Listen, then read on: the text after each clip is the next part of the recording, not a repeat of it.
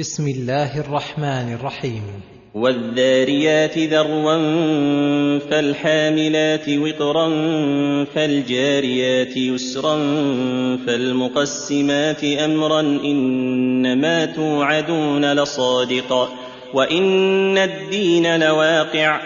هذا قسم من الله الصادق في قيله بهذه المخلوقات العظيمة التي جعل الله فيها من المصالح والمنافع ما جعل على أن وعده صدق وأن الدين الذي هو يوم الجزاء والمحاسبة على الأعمال لواقع لا محالة ما له من دافع. فإذا أخبر به الصادق العظيم وأقسم عليه وأقام الأدلة والبراهين عليه فلم يكذب به المكذبون ويعرض عن العمل له العاملون.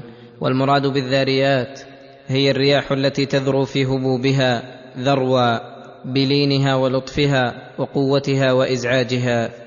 فالحاملات وقرا السحاب تحمل الماء الكثير الذي ينفع الله به البلاد والعباد فالجاريات يسرا النجوم التي تجري على وجه اليسر والسهولة فتتزين بها السماوات ويهتدى بها في ظلمات البر والبحر وينتفع بالاعتبار بها فالمقسمات أمرا الملائكة التي تقسم الأمر وتدبره بإذن الله فكل منهم قد جعله الله على تدبير أمر من أمور الدنيا وأمور الآخرة. لا يتعدى ما قدر له وما حد ورسم ولا ينقص منه. والسماء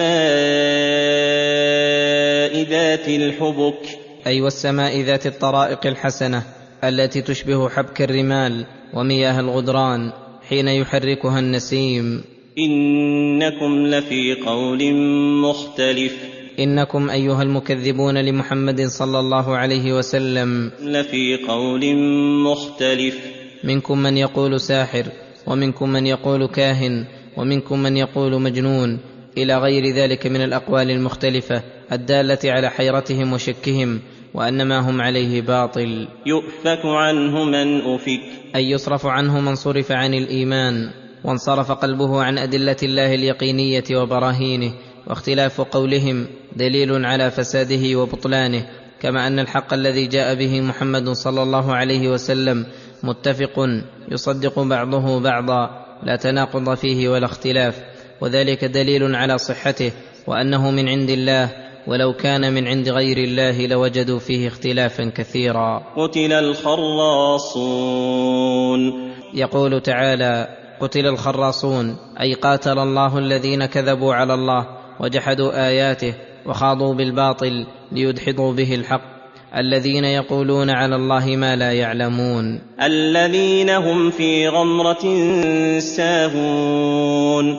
الذين هم في غمرة في لجة من الكفر والجهل والضلال. ساهون. يسألون أيان يوم الدين. يسألون على وجه الشك والتكذيب أيان يبعثون أي متى يبعثون. مستبعدين لذلك فلا تسأل عن حالهم وسوء مآلهم. يوم هم على النار يفتنون. اي يعذبون بسبب من طووا عليه من خبث الباطن والظاهر ويقال لهم ذوقوا فتنتكم هذا الذي كنتم به تستعجلون.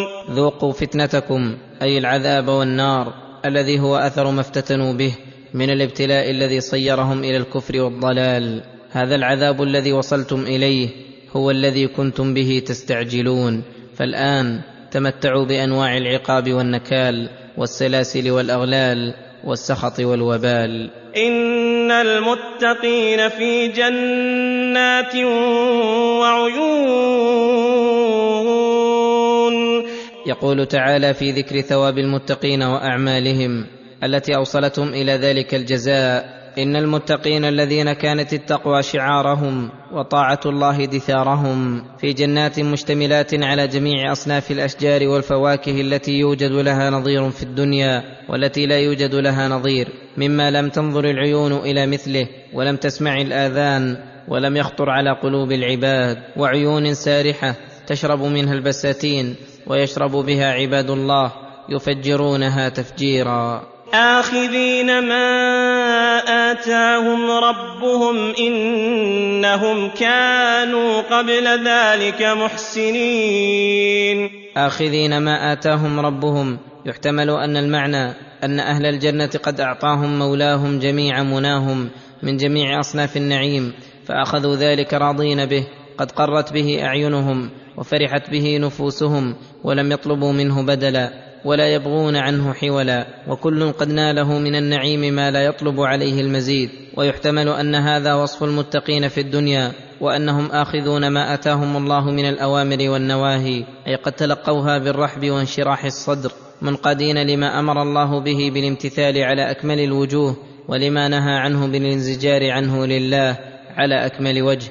فإن الذي أعطاهم الله من الأوامر والنواهي هو أفضل العطايا. التي حقها أن تتلقى بالشكر لله عليها والانقياد والمعنى الأول ألصق بسياق الكلام لأنه ذكر وصفهم في الدنيا وأعمالهم بقوله إنهم كانوا قبل ذلك محسنين.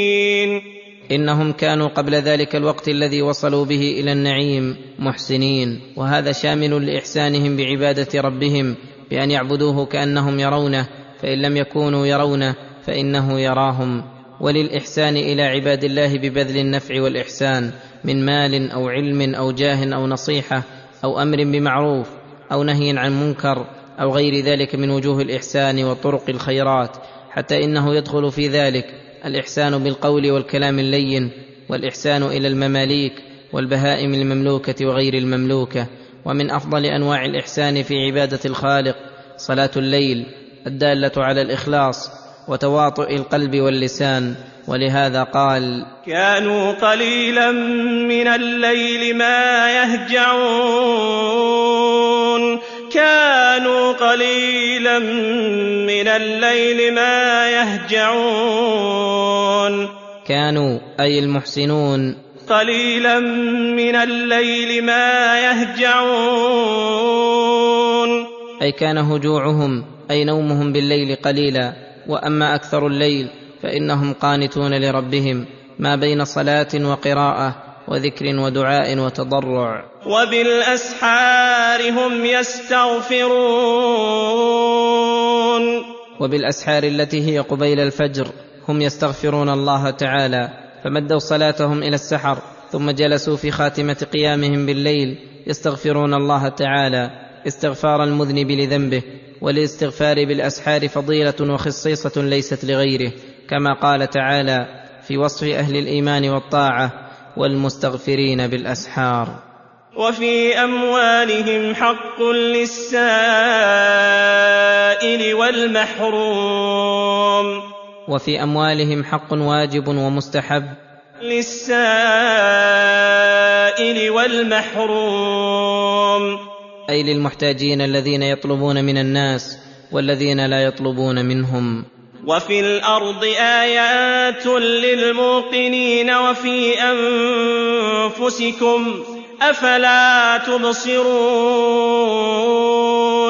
يقول تعالى داعيا عباده إلى التفكر والاعتبار. وفي الأرض آيات للموقنين وفي أنفسكم وذلك شامل لنفس الأرض وما فيها من جبال وبحار وأنهار وأشجار ونبات تدل المتفكر فيها المتأمل لمعانيها على عظمة خالقها وسعة سلطانه وعميم إحسانه وإحاطة علمه بالظواهر والبواطن وكذلك في نفس العبد من العبر والحكمة والرحمة ما يدل على أنه الله وحده الأحد الفرد الصمد وأنه لم يخلق الخلق سدى وقوله وفي السماء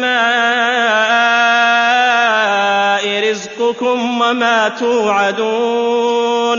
وفي السماء رزقكم أي مادة رزقكم من الأمطار وصنوف الأقدار الرزق الديني والدنيوي وما توعدون من الجزاء في الدنيا والآخرة فإنه ينزل من عند الله كسائر الأقدار. فلما بين الآيات ونبه عليها تنبيها ينتبه به الذكي اللبيب. أقسم تعالى على أن وعده وجزاءه حق وشبه ذلك بأظهر الأشياء لنا وهو النطق فقال فورب السماء والارض انه لحق مثل ما انكم تنطقون. فكما لا تشكون في نطقكم فكذلك لا ينبغي الشك في البعث بعد الموت. هل أتاك حديث ضيف إبراهيم المكرمين؟ يقول تعالى هل أتاك؟ أي أما جاءك حديث ضيف إبراهيم المكرمين ونبأهم الغريب العجيب وهم الملائكة الذين أرسلهم الله لإهلاك قوم لوط وأمرهم بالمرور على إبراهيم فجاءوه في صورة أضياف. إذ دخلوا عليه فقالوا سلاما قال سلام قوم منكرون. قال مجيبا لهم سلام أي عليكم قوم منكرون أي أنتم قوم منكرون فأحب أن تعرفوني بأنفسكم ولم يعرفهم إلا بعد ذلك. فراغ إلى أهله فجاء بعجل سمين. ولهذا راغ إلى أهله أي ذهب سريعا في خفيه ليحضر لهم قراهم. فجاء بعجل سمين فقربه إليهم. وعرض عليهم الأكل. قال ألا تأكلون؟ فأوجس منهم خيفة. قالوا لا تخف وبشروه بغلام عليم. فأوجس منهم خيفة حين رأى أيديهم لا تصل إليه. قالوا لا تخف وأخبروه بما جاءوا له. وبشروه بغلام عليم. وهو إسحاق عليه السلام. فلما سمعت المرأة البشارة فأقبلت امرأته في صرة فصكت وجهها وقالت عجوز عقيم.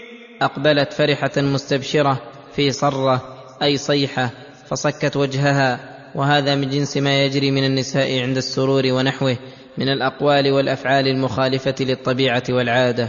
وقالت عجوز عقيم. أي أن لي الولد وأنا عجوز قد بلغت من السن ما لا تلد معه النساء ومع ذلك فأنا عقيم غير صالح الرحم للولادة أصلا فثم مانعان كل منهما مانع من الولد وقد ذكرت المانع الثالث في سورة هود بقولها وهذا بعلي شيخا إن هذا لشيء عجيب. قالوا كذلك قال ربك إنه هو الحكيم العليم. قالوا كذلك قال ربك أي الله الذي قدر ذلك وأمضاه فلا عجب في قدرة الله تعالى. إنه هو الحكيم العليم. أي الذي يضع الأشياء مواضعها وقد وسع كل شيء علما. فسلموا لحكمه واشكروه على نعمته. قال لهم إبراهيم عليه السلام قال فما خطبكم أيها المرسلون؟ أي ما شأنكم وما تريدون لأنه استشعر أنهم رسل أرسلهم الله لبعض الشؤون المهمة. قالوا إنا أرسلنا إلى قوم مجرمين. وهم قوم لوط قد أجرموا أشركوا بالله وكذبوا رسولهم وأتوا الفاحشة الشنعاء التي ما سبقهم إليها أحد من العالمين. لنرسل عليهم حجارة من طين مسومة عند ربك للمسرفين. أي معلمة على كل حجر منها سمة صاحبه لأنهم أسرفوا وتجاوزوا الحد فجعل إبراهيم يجادلهم في قوم لوط لعل الله يدفع عنهم العذاب. فقال الله يا إبراهيم أعرض عن هذا إنه قد جاء أمر ربك وإنهم آتيهم عذاب غير مردود. فأخرجنا من كان فيها من المؤمنين فما وجدنا فيها غير بيت من المسلمين. وهم بيت لوط عليه السلام إلا امرأته فإنها من المهلكين. وتركنا فيها آية للذين يخافون العذاب الأليم. يعتبرون بها ويعلمون أن الله شديد العقاب وأن رسله صادقون مصدوقون. فصل في بعض ما تضمنته هذه القصة من الحكم والأحكام. منها أن من الحكمة قص الله على عباده نبأ الأخيار والفجار. ليعتبروا بحالهم وأين وصلت بهم الأحوال. ومنها فضل إبراهيم الخليل عليه الصلاة والسلام حيث ابتدأ الله قصته بما يدل على الاهتمام بشأنها والاعتناء بها. ومنها مشروعية الضيافة وأنها من سنن إبراهيم الخليل الذي أمر الله هذا النبي وأمته أن يتبعوا ملته وساقها الله في هذا الموضع على وجه المدح له والثناء. ومنها أن الضيف يكرم بأنواع الإكرام بالقول والفعل لأن الله وصف الضياف إبراهيم بأنهم مكرمون أي أكرمهم إبراهيم ووصف الله ما صنع بهم من الضيافة قولا وفعلا ومكرمون أيضا عند الله تعالى. ومنها أن إبراهيم عليه السلام قد كان بيته مأوى للطارقين والأضياف لأنهم دخلوا عليه من غير استئذان وإنما سلكوا طريق الأدب في الابتداء بالسلام فرد عليهم إبراهيم سلاما أكمل من سلامهم وأتم. لأنه أتى به جملة اسمية دالة على الثبوت والاستقرار ومنها مشروعية تعرف من جاء إلى الإنسان أو صار له فيه نوع اتصال لأن في ذلك فوائد كثيرة. ومنها أدب إبراهيم ولطفه في الكلام حيث قال قوم منكرون ولم يقل أنكرتكم وبين اللفظين من الفرق ما لا يخفى ومنها المبادرة إلى الضيافة والإسراع بها لأن خير البر عاجله. ولهذا بادر إبراهيم بإحضار قرى اضيافه ومنها أن الذبيحة الحاضرة التي قد أعدت لغير الضيف الحاضر إذا جعلت له ليس فيها أقل إهانة بل ذلك من الإكرام كما فعل إبراهيم عليه السلام وأخبر الله أن ضيفه مكرمون. ومنها ما من الله به على خليله إبراهيم من الكرم الكثير وكون ذلك حاضرا عنده وفي بيته معدا لا يحتاج إلى أن يأتي به من السوق أو الجيران ولا غير ذلك. ومنها أن إبراهيم هو الذي خدم أضيافه وهو خليل الرحمن وكبير من ضيف الضيفان. ومنها أنه قربه إليهم في المكان الذي هم فيه ولم يجعله في موضع ويقول لهم تفضلوا أو ائتوا إليه لأن هذا أيسر عليهم وأحسن. ومنها حسن ملاطفة الضيف في الكلام اللين خصوصا عند تقديم الطعام إليه. فإن إبراهيم عرض عليهم عرضا لطيفا وقال ألا تأكلون ولم يقل كلوا ونحوه من الألفاظ التي غيرها أولى منها بل أتى بأداة العرض فقال ألا تأكلون فينبغي للمقتدي به أن يستعمل من الألفاظ الحسنة ما هو المناسب واللائق بالحال كقوله لأضيافه ألا تأكلون أو ألا تتفضلون علينا وتشرفوننا وتحسنون إلينا ونحوه ومنها أن من خاف من الإنسان لسبب من الأسباب فإن عليه أن يزيل عنه الخوف ويذكر له ما يؤمن روعه ويسكن جأشه. كما قالت الملائكة لإبراهيم لما خافهم لا تخف. وأخبروه بتلك البشارة السارة بعد الخوف منهم. ومنها شدة فرح سارة امرأة إبراهيم حتى جرى منها ما جرى من صك وجهها وصرتها غير المعهودة. ومنها ما أكرم الله به إبراهيم وزوجته سارة. من البشارة بغلام عليم وقوله تعالى وفي موسى إذ أرسلناه إلى فرعون بسلطان مبين. وفي موسى وما أرسله الله به إلى فرعون وملئه بالآيات البينات والمعجزات الظاهرات آية للذين يخافون العذاب الأليم. فلما أتى موسى بذلك السلطان المبين فتولى بركنه وقال ساحر أو مجنون. فتولى فرعون بركنه أي أعرض بجانبه عن الحق ولم يلتفت إليه وقدح فيه أعظم القدح فقالوا ساحر أو مجنون. أي إن موسى لا يخلو إما أن يكون ساحرا وما أتى به شعبذة ليس من الحق في شيء وإما أن يكون مجنونا لا يؤاخذ بما صدر منه لعدم عقله. هذا وقد علموا خصوصا فرعون أن موسى صادق كما قال تعالى وجحدوا بها واستيقنتها أنفسهم ظلما وعلوا. وقال موسى لفرعون لقد علمت ما أنزل هؤلاء إلا رب السماوات والأرض بصائر. فأخذناه وجنوده فنبذناهم في اليم وهو مليم. أي مذنب طاغ عات على الله فأخذه الله أخذ عزيز مقتدر. وفي عاد إذ أرسلنا عليهم الريح العقيم. ما تذر من شيء أتت عليه إلا جعلته كالرميم. اي وفي عاد القبيلة المعروفة آية عظيمة. إذ أرسلنا عليهم الريح العقيم. أي التي لا خير فيها حين كذبوا نبيهم هودا عليه السلام. ما تذر من شيء أتت عليه إلا جعلته كالرميم. أي كالرمم الباليه فالذي أهلكهم على قوتهم وبطشهم دليل على كمال قوته واقتداره الذي لا يعجزه شيء المنتقم ممن عصاه. وفي ثمود إذ قيل لهم تمتعوا حتى حين فعتوا عن أمر ربهم فأخذتهم الصاعقة وهم ينظرون فما استطاعوا من قيام وما كانوا منتصرين. حين أرسل الله إليهم صالحا عليه السلام فكذبوه وعاندوه وبعث الله له الناقة آية مبصرة فلم يزدهم ذلك إلا عتوا ونفورا. إذ قيل لهم تمتعوا حتى حين فعتوا عن أمر ربهم فأخذتهم الصاعقة وهم ينظرون. فأخذتهم الصاعقة أي الصيحة العظيمة المهلكة وهم ينظرون إلى عقوبتهم بأعينهم. فما استطاعوا من قيام وما كانوا منتصرين. فما استطاعوا من قيام ينجون به من العذاب وما كانوا منتصرين لأنفسهم. وقوم نوح من قبل إنهم كانوا قوما فاسقين. أي وكذلك ما فعل الله بقوم نوح حين كذبوا نوحا عليه السلام وفسقوا عن أمر الله فأرسل الله عليهم السماء والأرض بالماء المنهمر فأغرقهم الله تعالى عن آخرهم ولم يبق من الكافرين ديارا. وهذه عادة الله وسنته في من عصاه.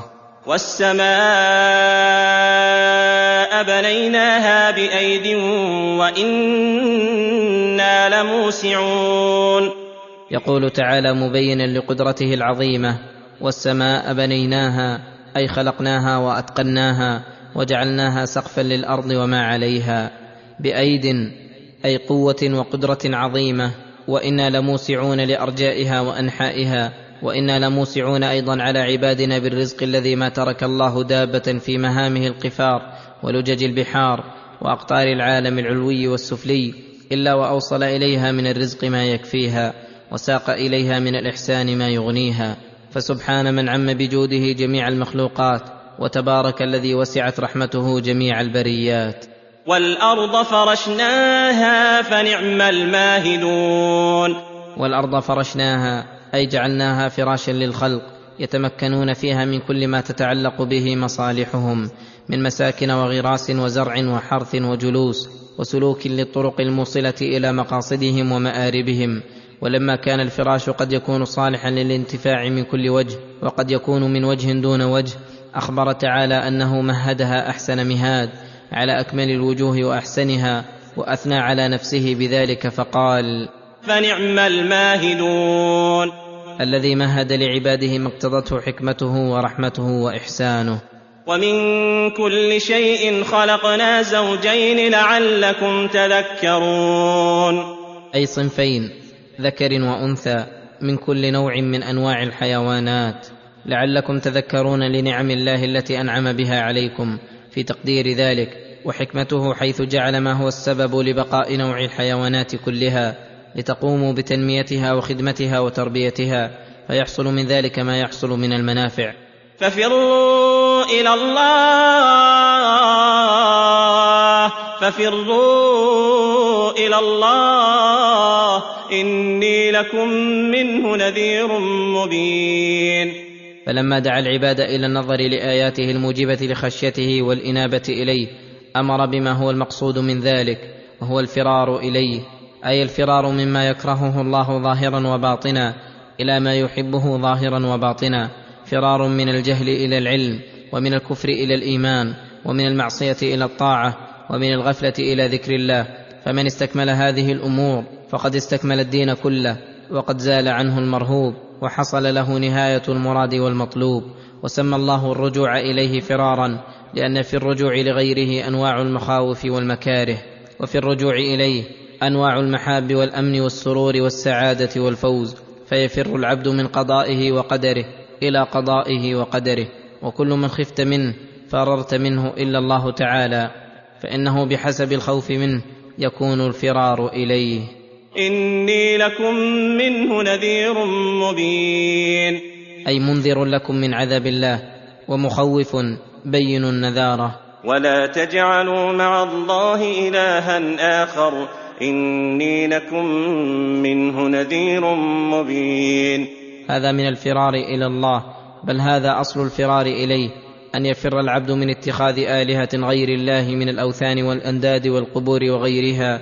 مما عبد من دون الله ويخلص العبد لربه العبادة والخوف والرجاء والدعاء والإنابة.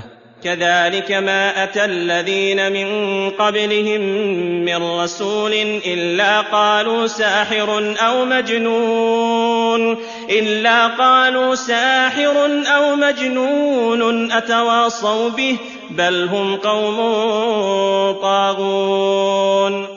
يقول الله مسليا لرسوله صلى الله عليه وسلم عن تكذيب المشركين بالله المكذبين له القائلين فيه من الأقوال الشنيعة ما هو منزه عنه وأن هذه الأقوال ما زالت دأبا وعادة للمجرمين المكذبين للرسل فما أرسل الله من رسول إلا رماه قومه بالسحر أو الجنون. يقول الله تعالى هذه الأقوال التي صدرت منهم الأولين والآخرين هل هي أقوال تواصوا بها ولقن بعضهم بعضا بها فلا يستغرب بسبب ذلك اتفاقهم عليها. بل هم قوم طاغون. تشابهت قلوبهم وأعمالهم بالكفر والطغيان فتشابهت أقوالهم الناشئة عن طغيانهم وهذا هو الواقع. كما قال تعالى وقال الذين لا يعلمون لولا يكلمنا الله أو تأتينا آية. كذلك قال الذين من قبلهم مثل قولهم تشابهت قلوبهم. وكذلك المؤمنون لما تشابهت قلوبهم بالإذعان للحق وطلبه والسعي فيه بادروا إلى الإيمان برسلهم وتعظيمهم وتوقيرهم وخطابهم بالخطاب اللائق بهم. فتول عنهم فما أنت بملوم وذكر فإن الذكرى تنفع المؤمنين. يقول تعالى امرا رسوله بالإعراض عن المعرضين المكذبين فتول عنهم أي لا تبالي بهم ولا تؤاخذهم وأقبل على شأنك فليس عليك لوم في ذنبهم وإنما عليك البلاغ وقد أديت ما حملت وبلغت ما أرسلت به. وذكر فإن الذكرى تنفع المؤمنين. والتذكير نوعان تذكير بما لا يعرف تفصيله مما عرف مجمله بالفطر والعقول فإن الله فطر العقول على محبة الخير وإيثاره وكراهة الشر والزهد فيه وشرعه موافق لذلك فكل ما أمر به ونهي من الشرع فإنه من التذكير وتمام التذكير أن يذكر ما في المأمور به من الخير والحسن والمصالح وما في المنهي عنه من المضار والنوع الثاني من التذكير تذكير بما هو معلوم للمؤمنين ولكن انسحبت عليه الغفلة والذهول. فيذكرون لذلك ويكرر عليهم ليرسخ في أذهانهم وينتبهوا ويعملوا بما تذكروه من ذلك وليحدث لهم نشاطا وهمة توجب لهم الانتفاع والارتفاع. وأخبر الله أن الذكرى تنفع المؤمنين لأن ما معهم من الإيمان والخشية والإنابة واتباع رضوان الله يوجب لهم أن تنفع فيهم الذكرى وتقع منهم الموعظة موقعها. كما قال تعالى فذكر إن نفعت الذكرى سيذكر من يخشى ويتجنبها الأشقى. وأما من ليس معه إيمان ولا استعداد لقبول التذكير فهذا لا ينفع تذكيره. بمنزلة الأرض السبخة التي لا يفيدها المطر شيئا. وهؤلاء الصنف لو جاءتهم كل آية لم يؤمنوا حتى يروا العذاب الأليم. وما خلقت الجن والإنس إلا ليعبدون. هذه الغاية التي خلق الله الجن والإنس لها وبعث جميع الرسل يدعون إليها. وهي عبادته المتضمنة لمعرفته ومحبته والإنابة إليه والإقبال عليه والإعراض عمن سواه وذلك يتضمن معرفته تعالى فإن تمام العبادة متوقف على المعرفة بالله بل كلما ازداد العبد معرفة لربه كانت عبادته أكمل فهذا الذي خلق الله المكلفين لأجله فما خلقهم لحاجة منه إليهم. ما أريد منهم من رزق وما أريد أن يطعمون. فما يريد منهم من رزق وما يريد أن يطعموه. تعالى الله الغني المغني عن الحاجة إلى أحد بوجه من الوجوه. وإنما جميع الخلق فقراء إليه في جميع حوائجهم ومطالبهم الضرورية وغيرها. ولهذا قال إن الله هو الرزاق إن الله هو الرزاق ذو القوة المتين. ان الله هو الرزاق أي كثير الرزق الذي ما من دابة في الأرض ولا في السماء إلا على الله رزقها ويعلم مستقرها ومستودعها. ذو القوة المتين. أي الذي له القوة والقدرة كلها. الذي أوجد بها الأجرام العظيمة السفلية والعلوية وبها تصرف في الظواهر والبواطن ونفذت مشيئته في جميع البريات فما شاء الله كان وما لم يشأ لم يكن ولا يعجزه هارب ولا يخرج عن سلطانه أحد ومن قوته أنه أوصل رزقه إلى جميع العالم ومن قدرته وقوته أنه يبعث الأموات بعدما مزقهم البلا وعصفت بترابهم الرياح وابتلعتهم الطيور والسباع وتفرقوا وتمزقوا في مهامه القفار ولجج البحار فلا يفوته منهم أحد ويعلم ما تنقص الأرض منهم فسبحانه القوي المتين. فإن للذين ظلموا ذنوبا مثل ذنوب أصحابهم فلا يستعجلون. أي وإن للذين ظلموا وكذبوا محمدا صلى الله عليه وسلم من العذاب والنكال ذنوبا أي نصيبا وقسطا مثل ما فعل بأصحابهم من أهل الظلم والتكذيب. فلا يستعجلون بالعذاب فإن سنة الله في الأمم واحدة. فكل مكذب يدوم على تكذيبه من غير توبة وإنابة. فإنه لا بد أن يقع عليه العذاب ولو تأخر عنه مدة. ولهذا توعدهم الله بيوم القيامة. فقال فويل للذين كفروا من يومهم الذي يوعدون. وهو يوم القيامة الذي قد وعدوا فيه بأنواع العذاب والنكال والسلاسل والأغلال فلا مغيث لهم ولا منقذ من عذاب الله تعالى نعوذ بالله منه.